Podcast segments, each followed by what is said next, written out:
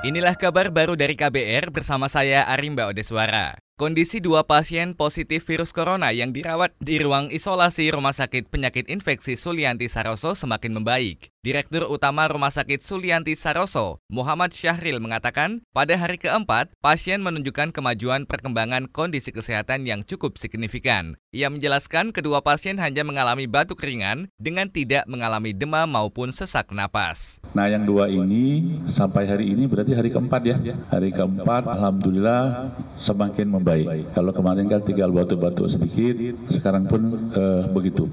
Jadi komunikasi, kemudian demam, sudah tidak ada lagi, kemudian batuknya sudah berkurang jauh, tidak ada sesak napas dan mereka bisa berkomunikasi dengan keluarganya melalui HP. Syahril mengatakan kedua pasien positif corona akan diperiksa per lima hari dengan pengecekan melalui laboratorium. Ia menyebut pasien baru dapat dipulangkan jika hasil pemeriksaan negatif. Syahril memastikan hasil dari laboratorium merupakan parameter utama dalam menentukan status pasien.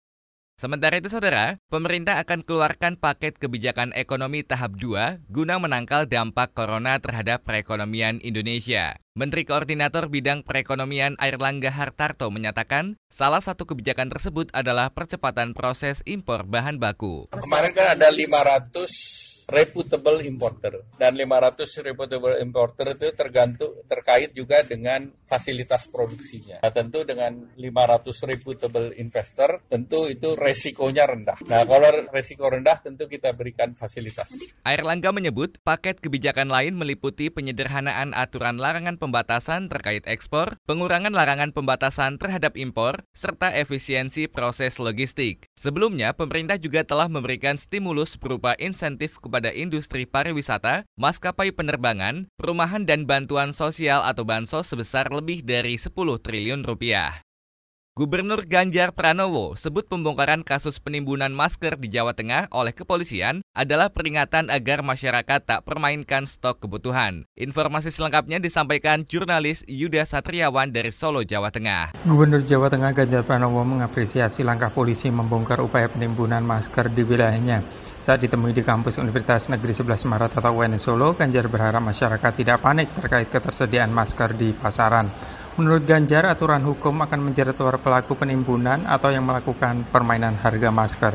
Penjual, distributor, pengecer, jangan bersenang-senang di atas penderitaan orang. Polda sudah Ya, Polda sudah bertindak, yaitu untuk peringatan yang lain berarti segera biar dikeluarkan masyarakat tidak terlalu panik. Sebagaimana diketahui berbagai daerah di Jawa Tengah mengalami kesulitan ketersediaan dan meroketnya harga masker di pasaran hingga lebih dari tujuh kali lipat. Apotek, toko retail, hingga distributor alat kesehatan memasang tulisan masker dan cairan pembersih untuk tangan dalam kondisi kosong atau habis. Erupsi Gunung Merapi yang terjadi kemarin memicu hujan abu vulkanik di wilayah Boyolali, Sukoharjo, Klaten, dan Solo semakin membuat masyarakat kesulitan membeli ataupun mendapatkan masker. Polda Jawa Tengah membongkar dugaan penimbunan ribuan masker di Semarang yang dijual via online. Dari Solo, Jawa Tengah, Yuda Satriawan, KBR. Demikian kabar baru dari KBR, saya Arimba Odeswara.